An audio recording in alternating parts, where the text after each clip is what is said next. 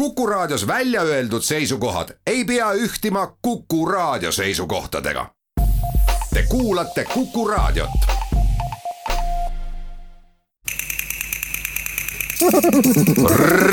reisirada nagu ikka maaturismis äh, käib, et, et, et head asjad ja head ideed ja head äh, teadmised antakse ühelt teisele, siis selle kilu, kilupiruka retsept on pärit Hiiumaalt nii meeldival moel algabki meie reis mööda Harjumaad. orjaku Margiti kilupiruka retsepti järgi on Anneli Kana loonud lauale hõrguroa Metsanurme külakeskuses saatejuht Jaak Karin tervitab teid saatesse Reisirada, kus ootab ees rida üllatusi. kõigepealt vaatame aga ringi Metsanurme külastuselamuste keskel. meil on õue peal indiaani higitelk ehk noh, mõni ütleb lihtsamas keeles indiaani saun, aga, aga päris nii ei tohi öelda. nii et higitelk ja teda tuleb kütta umbes sama kaua nagu korralikku Eesti suitsusauna ehk neli-viis tundi see on natuke sarnane siis nagu see suitsusaun. Eh, jah, kuigi, kuigi inimesed üllatuvad, et kui teda kütta, siis tegelikult me kütame teda selle kivihunniku all ja, ja täiesti vabas õhus ja paneme katte peale alles siis, kui kivid on kuumaks köetud. et esimene kord, kui ta siin eelmisel aastal valmis sai, mehed võtsid ikka sauna eh, või telki siis ähm, kraadiklaasi ka kaasa ja üheksakümmend kraadi. see tegijameister, kes tõi meile kõik need sõrestikupuud lausa rõugest ja need on ähm, sarapuu. Siis äh, ütles, et see on sellise laisa indiaanlase saun. Ehk tegelikult õige kütmine on nii, et need äh, kivid tuleb ikka täitsa eemal lõkkes kuumaks kütta ja siis sellesse, sellesse ähm, telki sisse tuua ja siis kate peale panna, aga meil on ta siis sellise tulekoldega, et me siis teda suvel üks neli pool viis tundi kütame ja siis on ta täiesti kuum, söed hakkavad kustuma, viskame veel ühe sahmaka vett peale, et see tahm ära lenduks ja siis paneme talle katte peale veel kaltsuvaibad ka, tal on spetsiaalne kate sellisest tugevast kangast. ja siis saab juba saunatama minna sauna lähedal on puufiguurid, mis pärinevad puupäevade vigursagimisest. orav, Poku ja Metsanurme kõige pahandust tekitavama looma kopra ja öökuli vahel kiige kuna meie külamaja paikneb siis sellises ajaloolises hoones nagu Rehemetsa talu rehi ehk mitte rehielamu, vaid ta tõesti ongi ehitatud rehiks, siis üks osa meie majast on niimoodi säilinud nagu muuseumina, see palkosa täiesti eheda paekivist laotud reheahjuga. ja kui külaselts kunagi alustas, siis äh, üks meie sellistest mõtetest on, et kõike, mida, mida me siin ehitame ja rajame nii kaudses kui otseses mõttes ikka vanale ajaloolisele vundamendile, mis tähendab, et me säilitame säilitame ka nii palju kui võimalik seda omakandi ajalugu ja selles samas reheahju ruumis on siis selliste talutööde ja tubasemate tööde tööriistu näha ja õue peal siis äh, ajaloolised põllutööriistad loorehast alates ja, ja niidumasinaga lõpetades. tuletõrjepump, mis leiti siitsamast äh, natuke eemal vana nõukogudeaegne tuletõrje veevõtu koht, et no ta, ta on kusagil mingi viiekümnendate mingi see või noh, ilmselt ta on veel vanem, aga et ju ta sellel ajal ongi see, see nii nagu see pumpamine käis, nii et see on niisugune uuem leid meil siin. aga see on selle üks, üks külamees siis tegi, et need looreharattad on ära võetud ja siis selle, selle raami peal on siis suitsuahi ja grillahi. ja kunagi me seda ka kasutasime, kui õue peal olid mingid üritused. Ja ühel kevadel siis hakkasime esimest korda, et noh, et tuleme ja mina veel vaatasin, et noh, et ma vaatan korra sinna suitsuahju sisse. Ja seal oli linavestriku pesa ja munad olid pesas. Ja siis ütlesime nendele külalistele, et nüüd selle grilliga te ei tee mitte midagi, enne kui pojad on suureks kasvatatud Anneli avab suured uksed ja me astume ruumi, mis on säilinud peaaegu nii, nagu ta kunagi oli. see on kahe ruumiga vana rehis. ühes köeti ahju ja pandi viljad partele kuivama sellepärast ka öeldakse, et Eesti viisi kuivatatud vili, millel on kerge selline suitsulõhn ja, ja hõng juures, ka säilis väga hästi ja seetõttu oli Eesti vili ka igal pool mujal lähe, lähimates ja kaugemates riikides hinnas, sest ta säi-, säilis hästi. kui külaselts selle maja omale sai, siis me selles ruumis küll parred võtsime suures osas ära, muidu me poleks siin liikuda saanud et on jäetud ainult selline näitlik osa ja, ja selle peale siis äh, näitamiseks igasugused äh, taludes äh, vajalikud riistad, võipütid ja, ja kilupütid ja muud sellised tünnid ja meie täiesti uus nii-öelda eksponaat on üleeile siia tuppa jõudnud ähm, käsikivi. ta tegelikult ei tulnud üldse kaugelt, Rännaku talust siit kilomeeter aga Rännaku talu peremees Ülo Sirp, kes siis jaanuaris saab juba üheksakümmend neli. Ülo Sirbi elust on ka kirjutatud raamat. ta on eluaegne arhitekt, Tartu Ülikooli raamatukogu ja linnahalli autor. Ülo on ka ise kirjutanud mitmeid raamatuid ja kogunud vanavara, kust pärit ka käsikivi. metsanurmes on muuseas ka täiesti oma leivatööstus, kuhu tullakse päevase Saku tuuri raames ja minnakse väliskülalistega korjama tee jaoks maitsetaimi ja tullakse tagasi uute kogemustega kuidagi see nende selline, äh, see, see Eesti nautimine, sest nad seisid seal keset metsa, ütlesid mitte ühtegi inimest. Et see on nagu, et, et jah, meilt küsitakse, et kuulge, hiinlased reisivad palju rohkem, aga kui me võtamegi maaturismi sihtkohad, siis meil ei ole neid kohti, kuhu me nelikümmend viis inimest bussiga paneme, toidame, majutame. Nende see, need soovid on teistsugused, et, et see Jaapani natukene, see on küll kummaline võrrelda, et ma, ma mõtlesin enne, et, et, et kuidas need kaks asja sobivad omavahel kokku, et nad elavad seal nii tiheli, neil on nii vähe ruumi ja neid on nii palju. aga kui sa seal ära käid, siis sa saadki aru, miks nad siin seda naudivad et see, see tohutus hunnikus kõrghoonetes vähese ruumiga hakkama saamine, no hotellituba oli ka selline, et ma mõtlesin, et kuidas ma seal kuus päeva ennast ringi keeran, sest ma kogu aeg lõin ennast vastu oma kohvrit ära. ja uksest sisse ma nii ei saanud, et ma kohvrit ja täiesti täitsa hea hotell. et lihtsalt nendel seda ruumi on vähe ja kui nad siin äkki tunnevad seda, seda avarust ja vabadust ja just seda ehedust, et, et sul ei ela keegi seljas, sa saad, ma ei tea, kilomeetreid kõndida metsas ja, ja noh, mida, mida mida nagu Jaapani eh, klient ootab, et sa temaga tegeled et seda on ka kõik sellised koolitajad öelnud, et jaapanlasele ärge kunagi öelge, et, et enjoy yourself ehk et, et noh, saa endaga ise hakkama, mida meie väga tahame, et andke meile oma aega. Nemad ei oska siis midagi nagu peale hakata, linnas kindlasti, aga kui ta siia tuleb, et siis ta tahab, et sa nagu juhendad ja aitad, oled tal selline vaikne vari kõrval aga, aga neile, neile jah, nad ei näita väga oma emotsioone välja, aga väikestest asjadest pead siis aimama, et, et see on tegelikult äge. ka meie astume paar sammu Saku Tuuri rajal ja seega astume sisse Saku mõisa kaunitesse ruumidesse, kus töötab juba kaheksandat aastat keraamik Edith Seaver, kelle juurde võib ka värkstuppa õppima tulla ja see ruum nüüd, kus me täna praegu oleme, see on siis minu igapäevane tööruum ja vanasti oli siin mõisaproua teetuba. et, äh, et mis siin tehti siis? võiks arvata, et joodi teed, räägiti juttu, loeti raamatut, tehtigi käsitööd, et see tegelikult oli nagu kokkusattumus. et äh, mina just siia tuppa tööd tegema sattusin. aga ju see siis nii pidi minema. ma arvan, et minu keraamika ongi kõige rohkem ikkagi inspireeritud sellest et äh, võib-olla esemetena on selliseid tarbeesemeid, mida mul endal näiteks elus on tundunud, et on vaja või on puudus olnud. aga et just see käekiri on selline natukene võib-olla romantilisem, äh, sobib võib-olla sinna vanaema aegsesse kappi, et, äh, et jah, selleni ma olen nagu üritanud jõuda ja tundub, et olen nagu sellega saavutanud mina kasutan kõikide asjade puhul eh, kõrgkuumust, mis tähendab seda, et eh, need asjad on ka vettpidavad, et kui me jätame näiteks lilled vaasi või kohvitassi sisse, et siis sinna alla ei teki ranti.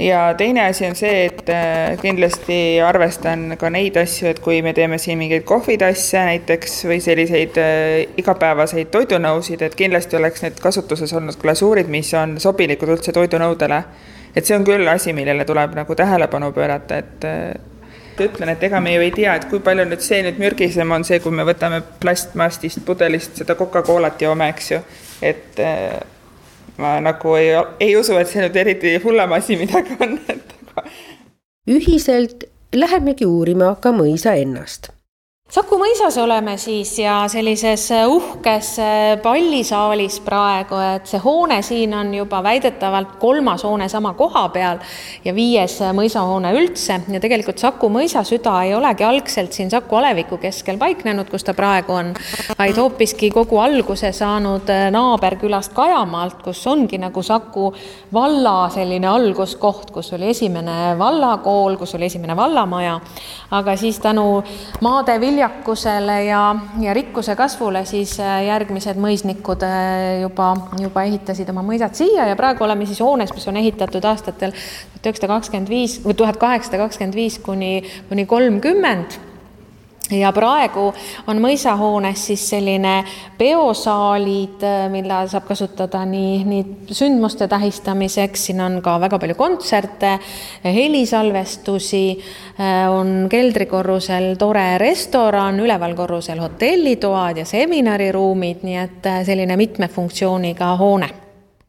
ja keldris on lisandunud ka veel midagi täiesti uut, nimelt õllespa kus saab õllevanni võtta? Aga ma pean kahjuks nendele, kes loodavad, et nad on mitmekümneliitrises õllevaadis istuda saavad, et tegelikult õlut selles vannis ei ole, vaid on õllekomponendid. lõhn on küll ikka selline humalane, aga, aga, aga jah, saab, saab siis mõnuleda õllespaas õllekomponentide lõhnalises maitselises vees siis olles tegelikult on õllekraanid ikka seal vanni kõrval, nii et sissepoole saab manustada ikka päris õlut reisirada. nelikümmend viis minutit sõitu ja nii jõuab Harjumaa ehk selle aasta kõige põnevama vaatamisväärsuse juurde, Padise kloostrisse, mis on üks Eesti erilisematest mälupaikadest. siin asub Põhja-Euroopa ainus terviklikult säilinud tsisterstlaste klooster, mida ehitati kokku üle kahesaja aasta Padise kloostri külastuskeskuses kohtume kloostri juhataja Marje Kidroniga, kes võtab meid vastu endises vallitseja majas.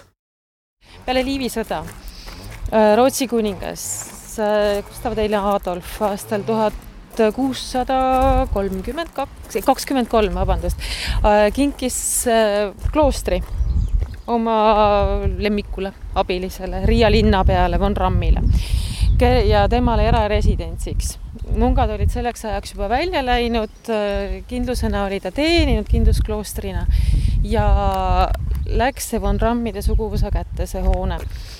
Nad ehitasid selle keskaegse hoone siis barokkseks ümber, eluruumideks ümber. seal on, veel tänagi on näha neid erinevaid kihistusi ja seitsmeteistkümnenda sajandi teises pooles kuna see klooster põles veel üks kord, ta on mitu korda ajaloos põlenud ja kuna ta uuesti põles, siis äh, Von Ramm otsustas ehitada endale normaalsuuruses normaalse äh, mõisahoone. ja see mõisahoone on täna siis meie kõrval. Äh, riigistati ta tuhat üheksasada üheksateist Eesti Vabariigi poolt, siia tehti kool, koolina ta teenis kaheksakümnendate aastate keskpaigani ja pärast iseseisvust ostis Von Ramm, Von Rammi suguvõsa järeltulija selle hoone tagasi, mis oli muidugi kehvas seisus, pani sinna tohutu energia, armastuse ja raha alla, tegi selle korda, et sellest on ka meedias ilmunud mitmeid artikleid, mis siin toimus, kuidas see siin käis, ta oli pikka aega lahti, siin oli majutus, restoran, kõik. kui Von Rammid tagasi läksid, tõestavad siis Ameerikasse ja ja siis Saksamaale, aga konkreetselt läksid tagasi Ameerikasse, siis võttis selle mõisa valitsemise nii-öelda üle nende Eesti-poolne kontakt, kes neid siis kogu aeg läbi aastate oli aidanud seda hoonet taastada ja ja nemad on siis nüüd öelnud, et see aasta seoses koroonaga ja majandusliku olukorraga nad ei tee publikule lahti. saab küll rentida eraüritusteks aga sellist igapäevast äh, lahtiolekut nad ei garanteeri, mis on ka muidugi arusaadav. paar sammu trepist ülespoole ja olemegi suures kirikusaalis. Sellega on seotud legend Peeter Esimesest, räägib Marje, kuid tsaar saabus väga lühikese etteteatamisega mõisa vaatama. Et ta oli siis tõenäoliselt just sealt avast sisse tulnud, see Peeter Esimene sattunud siis esimesse nii-öelda koridori ja pimedama, hämaramasse ruumi, oli hirmsasti vihastanud, et teda ei ole nii suurejooneliselt vastu võetud, kui ta arvas ja siis oli ta oma suure jalutuskepiga andnud mõisnikule üle, üle küüru sellega.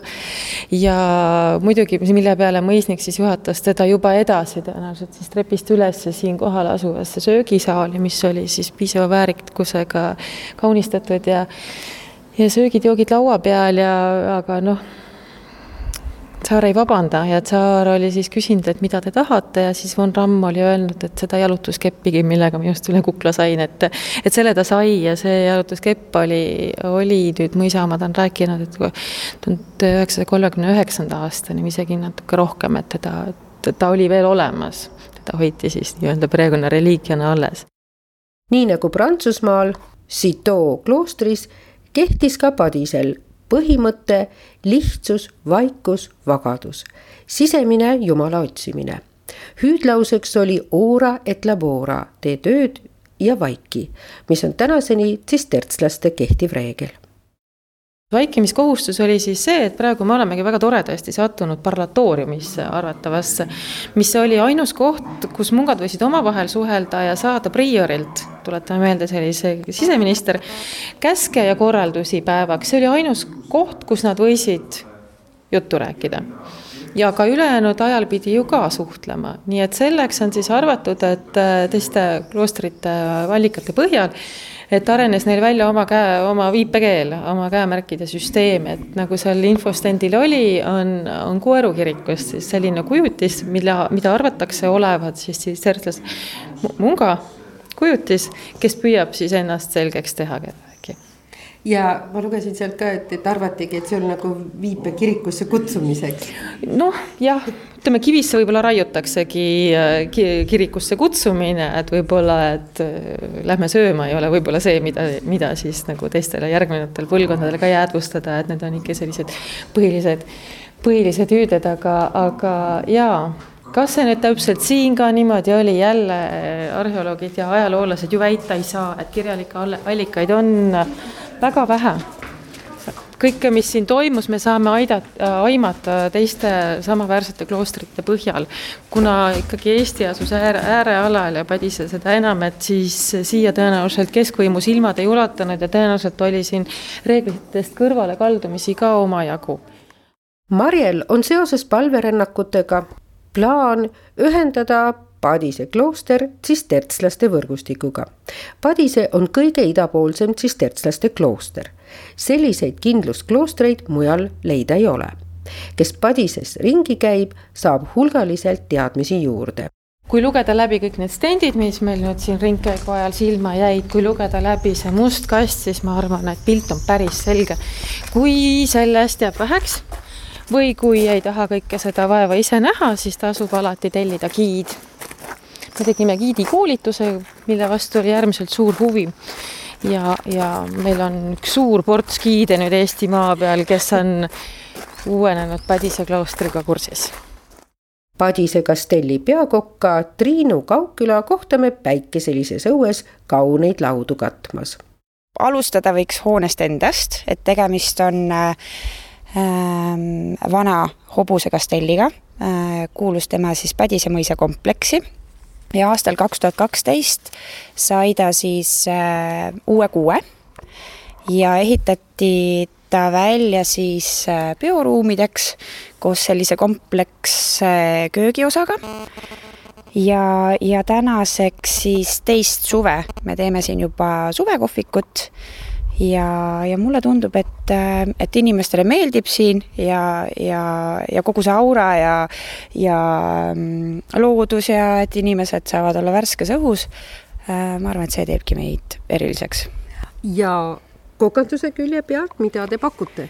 Ähm, proovin kasutada võimalikult kohalikku toorainet. Äh, ise ma olen suur korilane, käin metsas seenel, marjul ja siis ähm, äh, meelsasti kasutan seda kohalikku oma metsa puhtalt kasvanud äh, toorainet, kas siis Kastelli suvekohviku köögis ennem seda, kui Padise kastell ära renoveeriti ja, ja uuesti läikima löödi, tegutses samades ruumides, ähm, ma arvan, et isegi aastakümneid võiks öelda, äh, Koidula kolhoosi söökla kas te nostalgia puhul olete mingi sööklaroa ka sisse jätnud ja moderniseerinud? no e, ei, aga äh, hetkel ei ole veel plaanis, kuid ma vaikselt äh, olen endale nihverdanud ema retseptiraamatu ja äh, oma pere tarbeks proovisin teha näiteks Moskva saiu. isegi kukkusid hästi välja, nii et mine sa tea. niisugune pisukene põhimõtteline küsimus on see, et me ei lähe oma asju IKEA-st tooma, vaid pigem äh, esimesed serviisid, supid, irinad, asjad tulidki mu ema pööningult, vanaema pärandusena. ja, ja siis me läksimegi seda teed, et iga taldrik on oma näoga taaskasutuspoest või siis äh, kellegi tuttava pööningult ära antud. et ähm, ja me oleme jätkanud seda, seda nagu joont ja mulle tundub, et inimestele pigem meeldib, et vahel on niisugune vahva üllatusmoment, et viid taldriku lauda ja siis see inimene ütleb, oo, mu emal olid kunagi täpselt samasugused, et noh, et see kuidagi nagu mulle tundub, et, ähm, et see pakub inimestele pisut rõõmu, sama palju rõõmu vähemalt kui mulle endale. siit kaunist keskajast suundume teise Harjumaa imekaunisse kohta, milleks on endise nimega Schloss Fall, eesti keeli Keila-Joa loss. selle aasta uudised on Keila-Joa väikemõisa valmimine paari, paari kuu pärast, et äh, sinna on plaanitud äh, seitseteist tuba, nii et äh, peamajaga kokku meil on siis võimalik majutada peaaegu viiskümmend inimest, et sellisest majutusest me oleme kõvasti puudust tundnud, sest noh, nii mõnedki üritused on selle taha meil toppama jäänud, et meil pole olnud piisavalt majutust, et äh, meil on olnud majutus ainult peahoones ja seal on viis sviiti, kus me oleme saanud äh, luksuslikult majutada kaksteist inimest. et see on selline suve peamine uudis. Ja siis äh, suvel oleme siin kõvasti Äh, sisehoovis tegelenud ka haljastusega ja istutustega, nii et äh, tasub ka seda tulla uuesti kaema, et mis edasiminekut siin nii-öelda territooriumil on toimunud. Ja üks veel üks uudis on meil väligrill, restoran Jerami, kes korraldab meil siin restoraniteenuseid, siis äh, sellest suvest on püstitanud ka välitelgi, nii et kolmapäevast pühapäevani ilusa ilmaga olete oodatud äh, istuma puudevilus meie uues grillis ja nautimaks loodust ja juga ja, ja head toitu tänu lossi tänasele peremehele härra Dvorjaninovile on renoveeritud loss avatud külastajatele alates kahe tuhande neljateistkümnenda aasta suvekuust tagasi on jõudnud ka lõviskulptuuride originaalid, mille Aleksander Benkendorf, olles reisil tsaar Nikolai Esimesega mööda Itaaliat, ostis. jah, nii et need lõvid on, ma arvan, circa siis mingi kolmsada aastat juba vähemalt vanad. et nõukaajal nad kadusid siin ära ja siis nad vahepeal leiti Paldiskist. Ja siis Paldiskist, kuna omanik ei suutnud selgitada, kust ta need lõvid sai, siis siis miilits viis need lõvid äh, Tallinnasse, sinna vanalinna miilitsajaoskonda, kus need lõvid siis olid kuskil seal hoovis paarkümmend aastat, kuni mingi miilitsapolkovnik ütles, et viige need kapitalistlikud lõvid siit ära, et siia tulevad mootorrattad ja siis need viidi kultuuriväärtuste ametisse tol ajal ja siis need olid veel seal kakskümmend, kakskümmend või kolmkümmend aastat äh, hoovi peal puhkeolekus. ja siis, kui me hakkasime seda lossi restaureerima ja ma läksin esimest korda muinsuskaitsele näitama seda projekti, et mis, mida on plaanis teha ja siis komisjonil oli, oli, kõigil oli väga lõbus, et et nüüd tuli Ullike niisuguse projektiga, et ja siis keegi viskas õhku sellise nalja, et noh, kui te tõesti selle nii-öelda Keila lossi ära restaureerite, siis meil on teile üks kingitus ka, et me anname üle teile need lõvid, mis on Keila-Joalt nii-öelda ajalooliselt pärit ja selle peale kogu komisjon naeris, et arvasid, et need lõvid jäävad ikka endiselt sinna, kus nad on viimased kakskümmend, kolmkümmend aastat olnud, aga aga mingi hetk neil tuli siis loovutada, sellepärast need lõvid siia tagasi Keila-Joale, sest äh, peahoone hakkas nagu valmis saama, et et lõvidel oli selline tore seiklus, et, et kõigepealt no me ei tea, kus nad Itaalias reisisid, aga igastahes nad tulid, jõudsid siia Keila-Joale ja sada aastat on valvanud seda parki ja siis sattusid Paldiskisse kuskile suvila kooperatiivi. valvasid siis seal mingit suvila loksu, siis sattusid miilitsasse ja noh, ühesõnaga täismäng, et ja nüüd nad on õnnelikult siis jälle tagasi oma ajaloolisel kohal juba üheksateistkümnendal sajandil korraldati Keila-Joa lossi saalides sageli kontserte ja pidulikke koosviibimisi. nii on lossi neogooti stiilis saalide võlusid nautinud lisaks Vene tsaariperekonnale ka paljud tuntud poliitika ja riigitegelased üle Euroopa.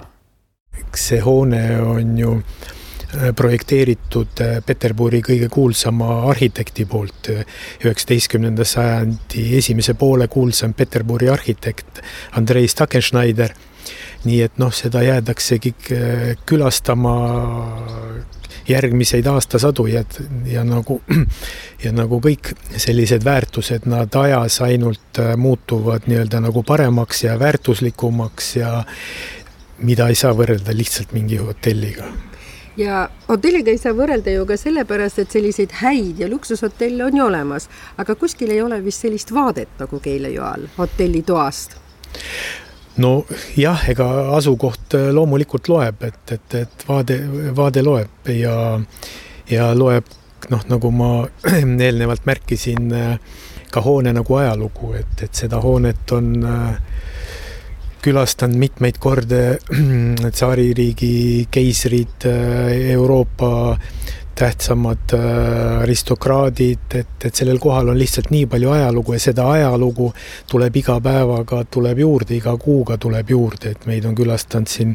küll mõned aastad tagasi Hollandi kuningas, meid on külastanud Itaalia president, meid on külastanud Armeenia Gruusia president, meid on külastanud prints Andrew ja see loetelu on pikk ja pikk ja nad kõik tulevad siia seda paika vaatama, sest Keila loss on täpselt samasuguses nii-öelda kultuurilises väärtuses, nagu on Kadrioru loss, nagu on Toompea loss, need on sellised äh, Eesti pärlid, no mida tullakse alati külastama. Angeelika Oudekülli on elu tagasi Lahemaale toonud, kus ta nüüd juba üheksandat aastat juhib Lahemaal restorani Vika, kus iga aasta lisab hitt-tooteid tegelikkuses on äh, just kõige toredam selle töö juures see, et, et pidevalt on midagi arendada, pidevalt on midagi teistmoodi teha. esiteks, kui juba vaadata, et noh, üheksa aastat tagasi külastajad ja tänased äh, külalised, et inimeste soovid ja harjumused on muutunud. millised eks... on need soovid siis täna? Äh, ma arvan, et Eesti tarbija on läinud tegelikult väga palju toiduteadlikumaks, kvaliteeti hindavamaks võib-olla mitte isegi nii hinnatundlikuks, aga, aga selline üldine toidu, ütleme siis ähm, teadlikkus, huvi, äh, erinevad nägemused äh, ka toitumisest üldiselt on väga, väga oluliselt muutunud selle aja jooksul. ja nende hittidega õnneks ongi niimoodi, et et selleks, et saaks uus looming äh, sündida, selleks peab eelne, eelnevalt äh, loodust väsima. et see on ju see motivaator, mis tegelikult kokku paneb äh, toimetama ja edasi liikuma et selliseid hitt-tooteid on olnud siin majas nagu päris palju, et, et iseenesest noh, mida ma nagu kohe praegu niimoodi nitsust ütleksin, on näiteks meie üks dessert, mille pealkiri oli õlleke ja kus me siis kasutasime kolme erinevat õllesorti ja tegime eh, siirupiks, jäätiseks, vahuks ja kastmeks et ja sinna juurde serveerisime siis linnase biskviiti, mis oli tõesti nii, et, et siin sõnaosavamad on nimetanud seda meeste magustoiduks aga, aga eks see meie võib-olla eripära või et, et see, miks inimesed meie juurde tulevad, on ikkagi pigem, ma arvan, et ka see, et me püüame väga palju kasutada kohalikku kodumaist toorainet, me püüame nii palju, kui see võimalik on, kasutada äh, meie enda lähikonnas kasvavaid taimi, ürte, metsaande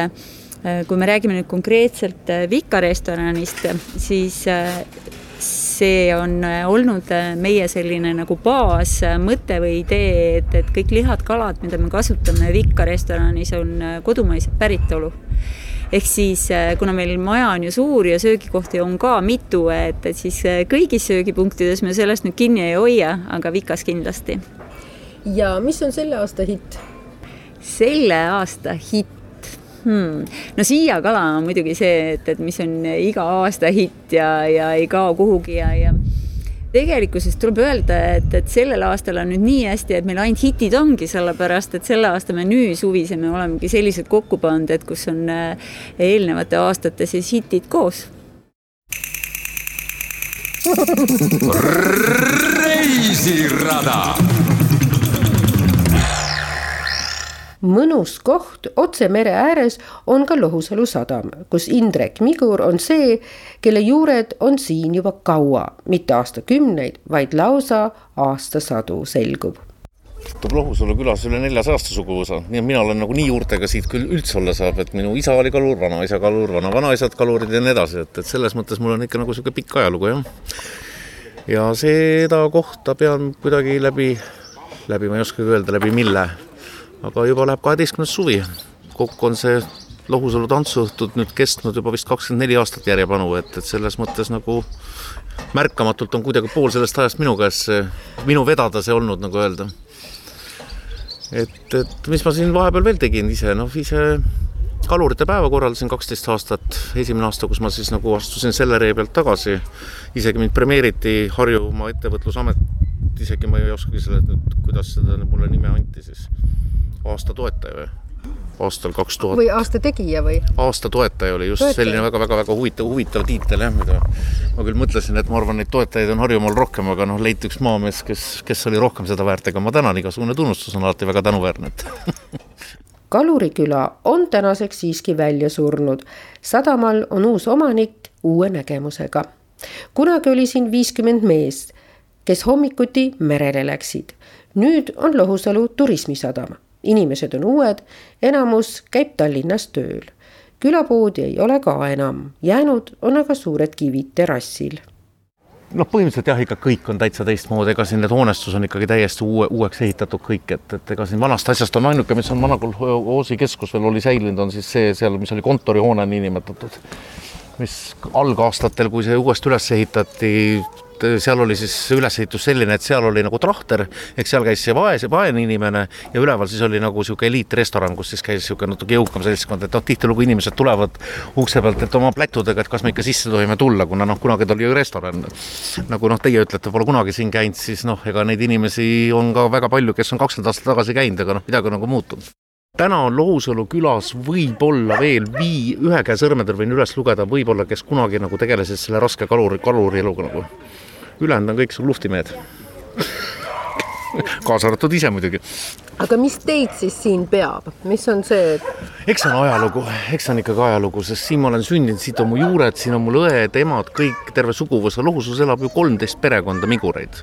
ehk kelle ajalugu ulatubki siin neljasaja aasta taha, sest kaugemale ei ole võimalik lihtsalt juurtega minna.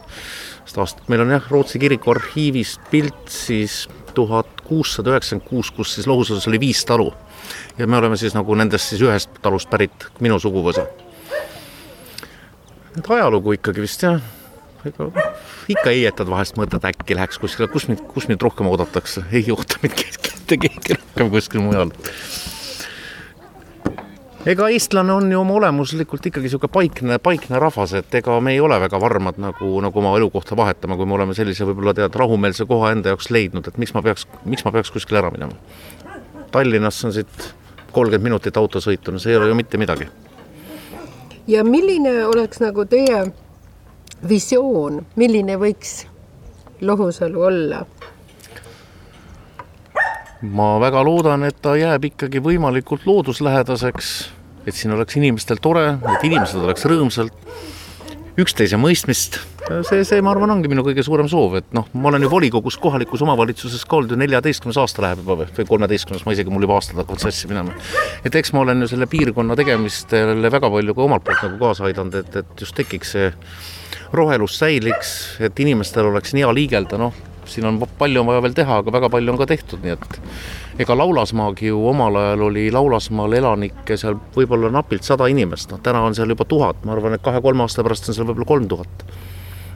kasvame, kasvame palju raskem kui Lohusalu sadamat on maa poolt tulles leida Suurupi ülemist tuletorni, mis jääb põliste pärnade vahele kui aga õigesse kohta kohale jõuda, siis on tunne, nagu oleksid sattunud Inglismaa kaunisse roosiaeda.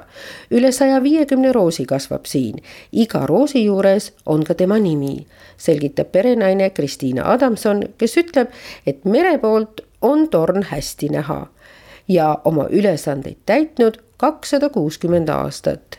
teine ja alumine tuletorn koos ülemisega Need on valged romantilised tuletornid, leiab Kristiina Adamson ülemisel tuletornil on põhituli, see on nii-öelda tere tulemast Eestimaale, ärge meile otsa kihutage. see näitab, et äh, Suurpi poolsaar on ees, kui tahate Tallinnasse liikuda.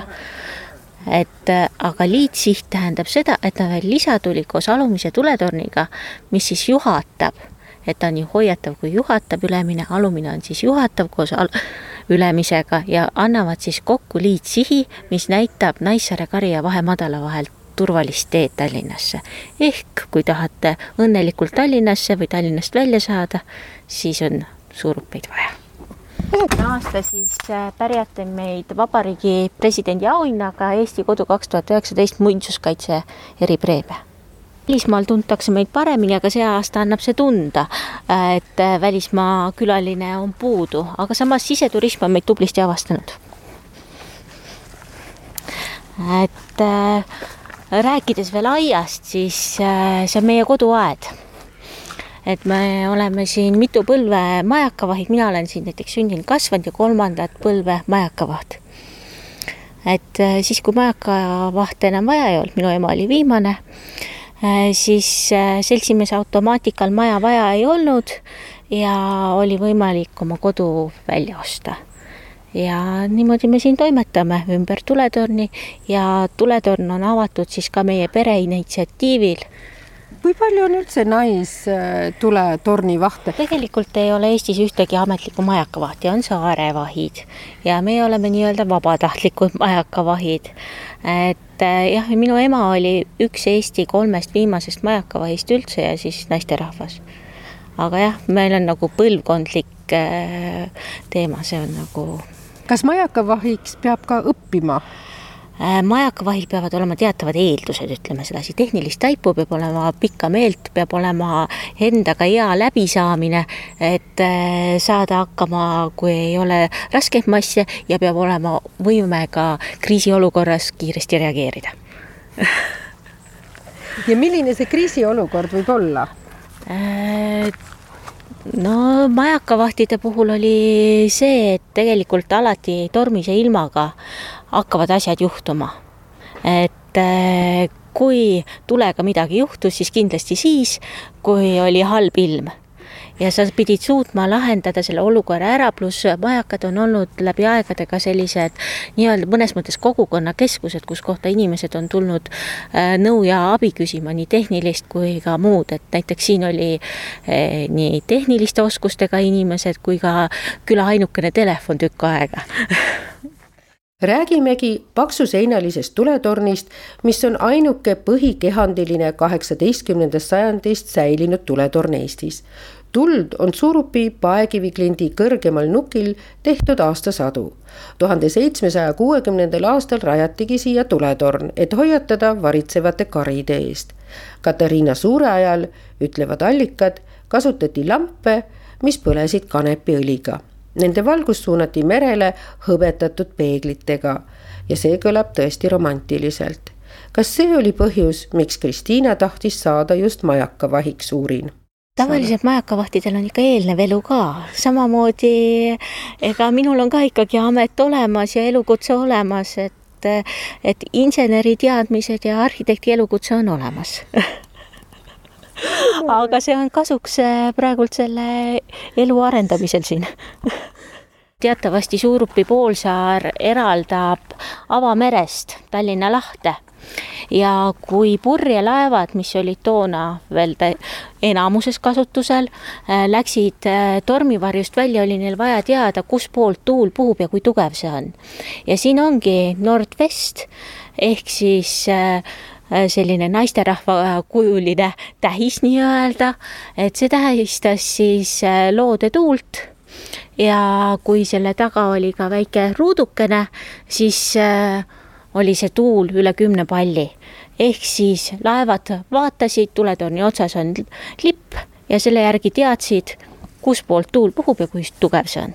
Äh, ütleme sedasi, et mina olen küll palgaline töötaja, aga mina saan enda palga siis äh, piletimüügitulust ja see on miinimumpalk, ütleme niimoodi. me maksame riigile renti et mis on üsna suur ja lisaks me peame korras hoidma tuletorni, et näete, kõik on ilusti värvitud ja korras. et me iga aasta siis remondime ka midagi oma kuludega. Astume tuletorni trepist üles ja vaatame ka sealset näitust, fotosid ja kuuleme ka sellest, et ka siin on oma legend. siin tuletornis aeg-ajalt kõnnib keegi raskete saabastega et äh, olen mina siin all piletimüügiruumis, kuulen, keegi jookseb kolinal kiiresti ülesse. Lähen mina vaatan, et kes see seal kolistab, mitte kedagi ei ole. Et sellised metalltrepid, keegi jookseb ja kusjuures vahest on kuulda ka kõnepominat, aga see on äh,, aru ei saa, mis ta räägib, aga nagu oleks saksa keeles. ja mis te mõtlete selle üle?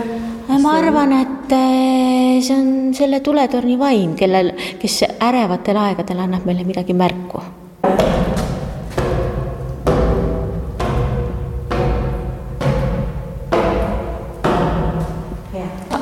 Ajalookorrus, et tuletorn läheb järjest väiksemaks, ta on vähekene koonuses. et äh, siin võib ka siis näha mõndasid navigatsiooniseadmeid Äh, fotonäitust ja veeteede talituse ajalugu siis. inimesed, kes siia tulevad, mis nad ütlevad? Vau, et nad ei teadnud, et selline koht olemas on. et te võite pärast külaliste raamatust vaadata neid emotsioone. eelmine aasta me mässisime siis viiskümmend meetrit Eesti lippu ümber tuletorni Eesti lipu sünnipäevaks. ja siis ta on fotojäädvustustel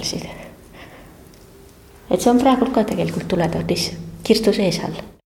oleme Poolsaare moodi saarel, kus kolmel küljel on meri, siia paistab Tallinn, teletorn, Keila tunneb ära Nõmme suusahüppetorn.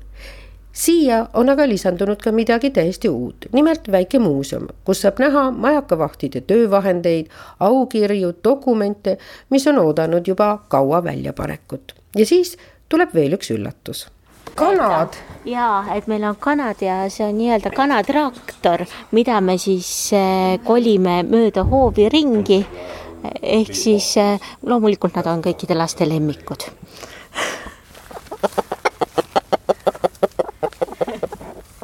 Ülemise tuletorni kõrval on imeline valge alumine tuletorn, vanim puittuletorn Eestis viis aastat oleme väga tungivalt rääkinud, et see alumine tuletorn tahaks hooldusvärvimist.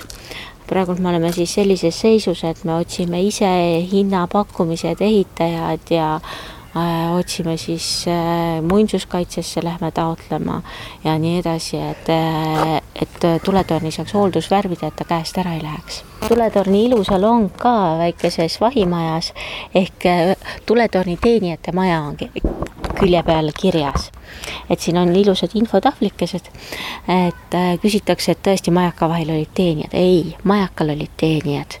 ehk siis oli majaka ülem, olid motoristid ja olid majaka teenijad ehk siis lihttöölised siis rääkides, see on Eesti ainus töötav puittuletorn ja vanim puittuletorn, mis töötab Läänemere ääres ja ühtlasi kuulub ka siis IALA saja väärtuslikuma tuletorni hulka maailmas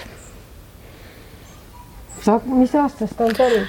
ta on tuhat kaheksasada viiskümmend üheksa, mõnedel andmetel viiskümmend kuus. et circa sada aastat siis noorem kui ülemine tuletorn ja ta on siis liitsihi tuletorn.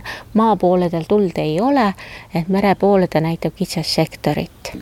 aga selles suhtes ta on väga haruldane, et äh, tal on sees majaka või tube, mida me kohe lähme ka vaatama. jah, veskile sarnase arhitektuuriga, et äh, puittuletorne on tegelikult olnud Eestis rohkem, et praegult on siis järele jäänud kaks, see on siis töötav, aga ajaloos on olnud puittolüetornid tavaliselt sellised, mis on olnud ajutise iseloomuga, siin on lihtsalt juhtunud ütleme, kurioosne ime, et see tuletorn on juba sada kuuskümmend aastat vana. saate tehnilise külje eest vastutas Veiko Rebane. saatejuht Jaak Arin soovib teile toredaid avastusi sügise alguse Harjumaal kui tekkis huvi pealinnast veidi välja sõita, siis Saku tuur viib ka Saku pruulikotta ja Õnne kolmteist Esko tallu.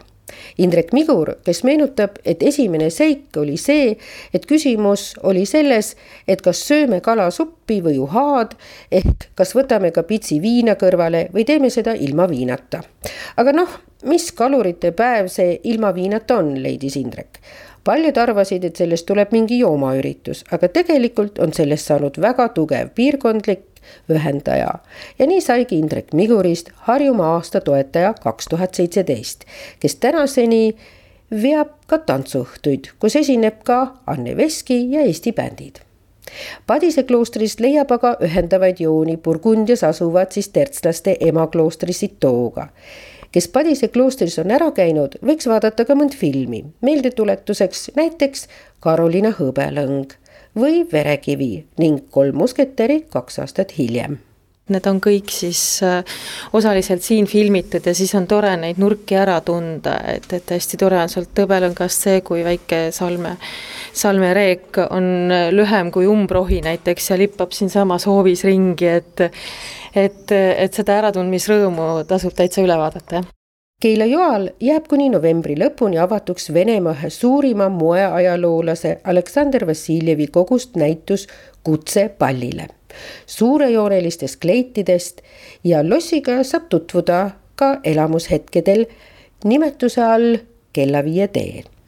Suurupis on üles pandud pildiraam, et külastaja end sellel erilisel kahesaja kuuekümnendal tuletorni tööaastal saaks end koos tuletorniga jäädvustada. nii et avastusi jätkub, soovin teile head nautimist. projekti toetas Euroopa Liidu Euroopa Regionaalarengu Fond meetmest piirkondlikud algatused tööhõive ja ettevõtlikkuse edendamiseks. reisirada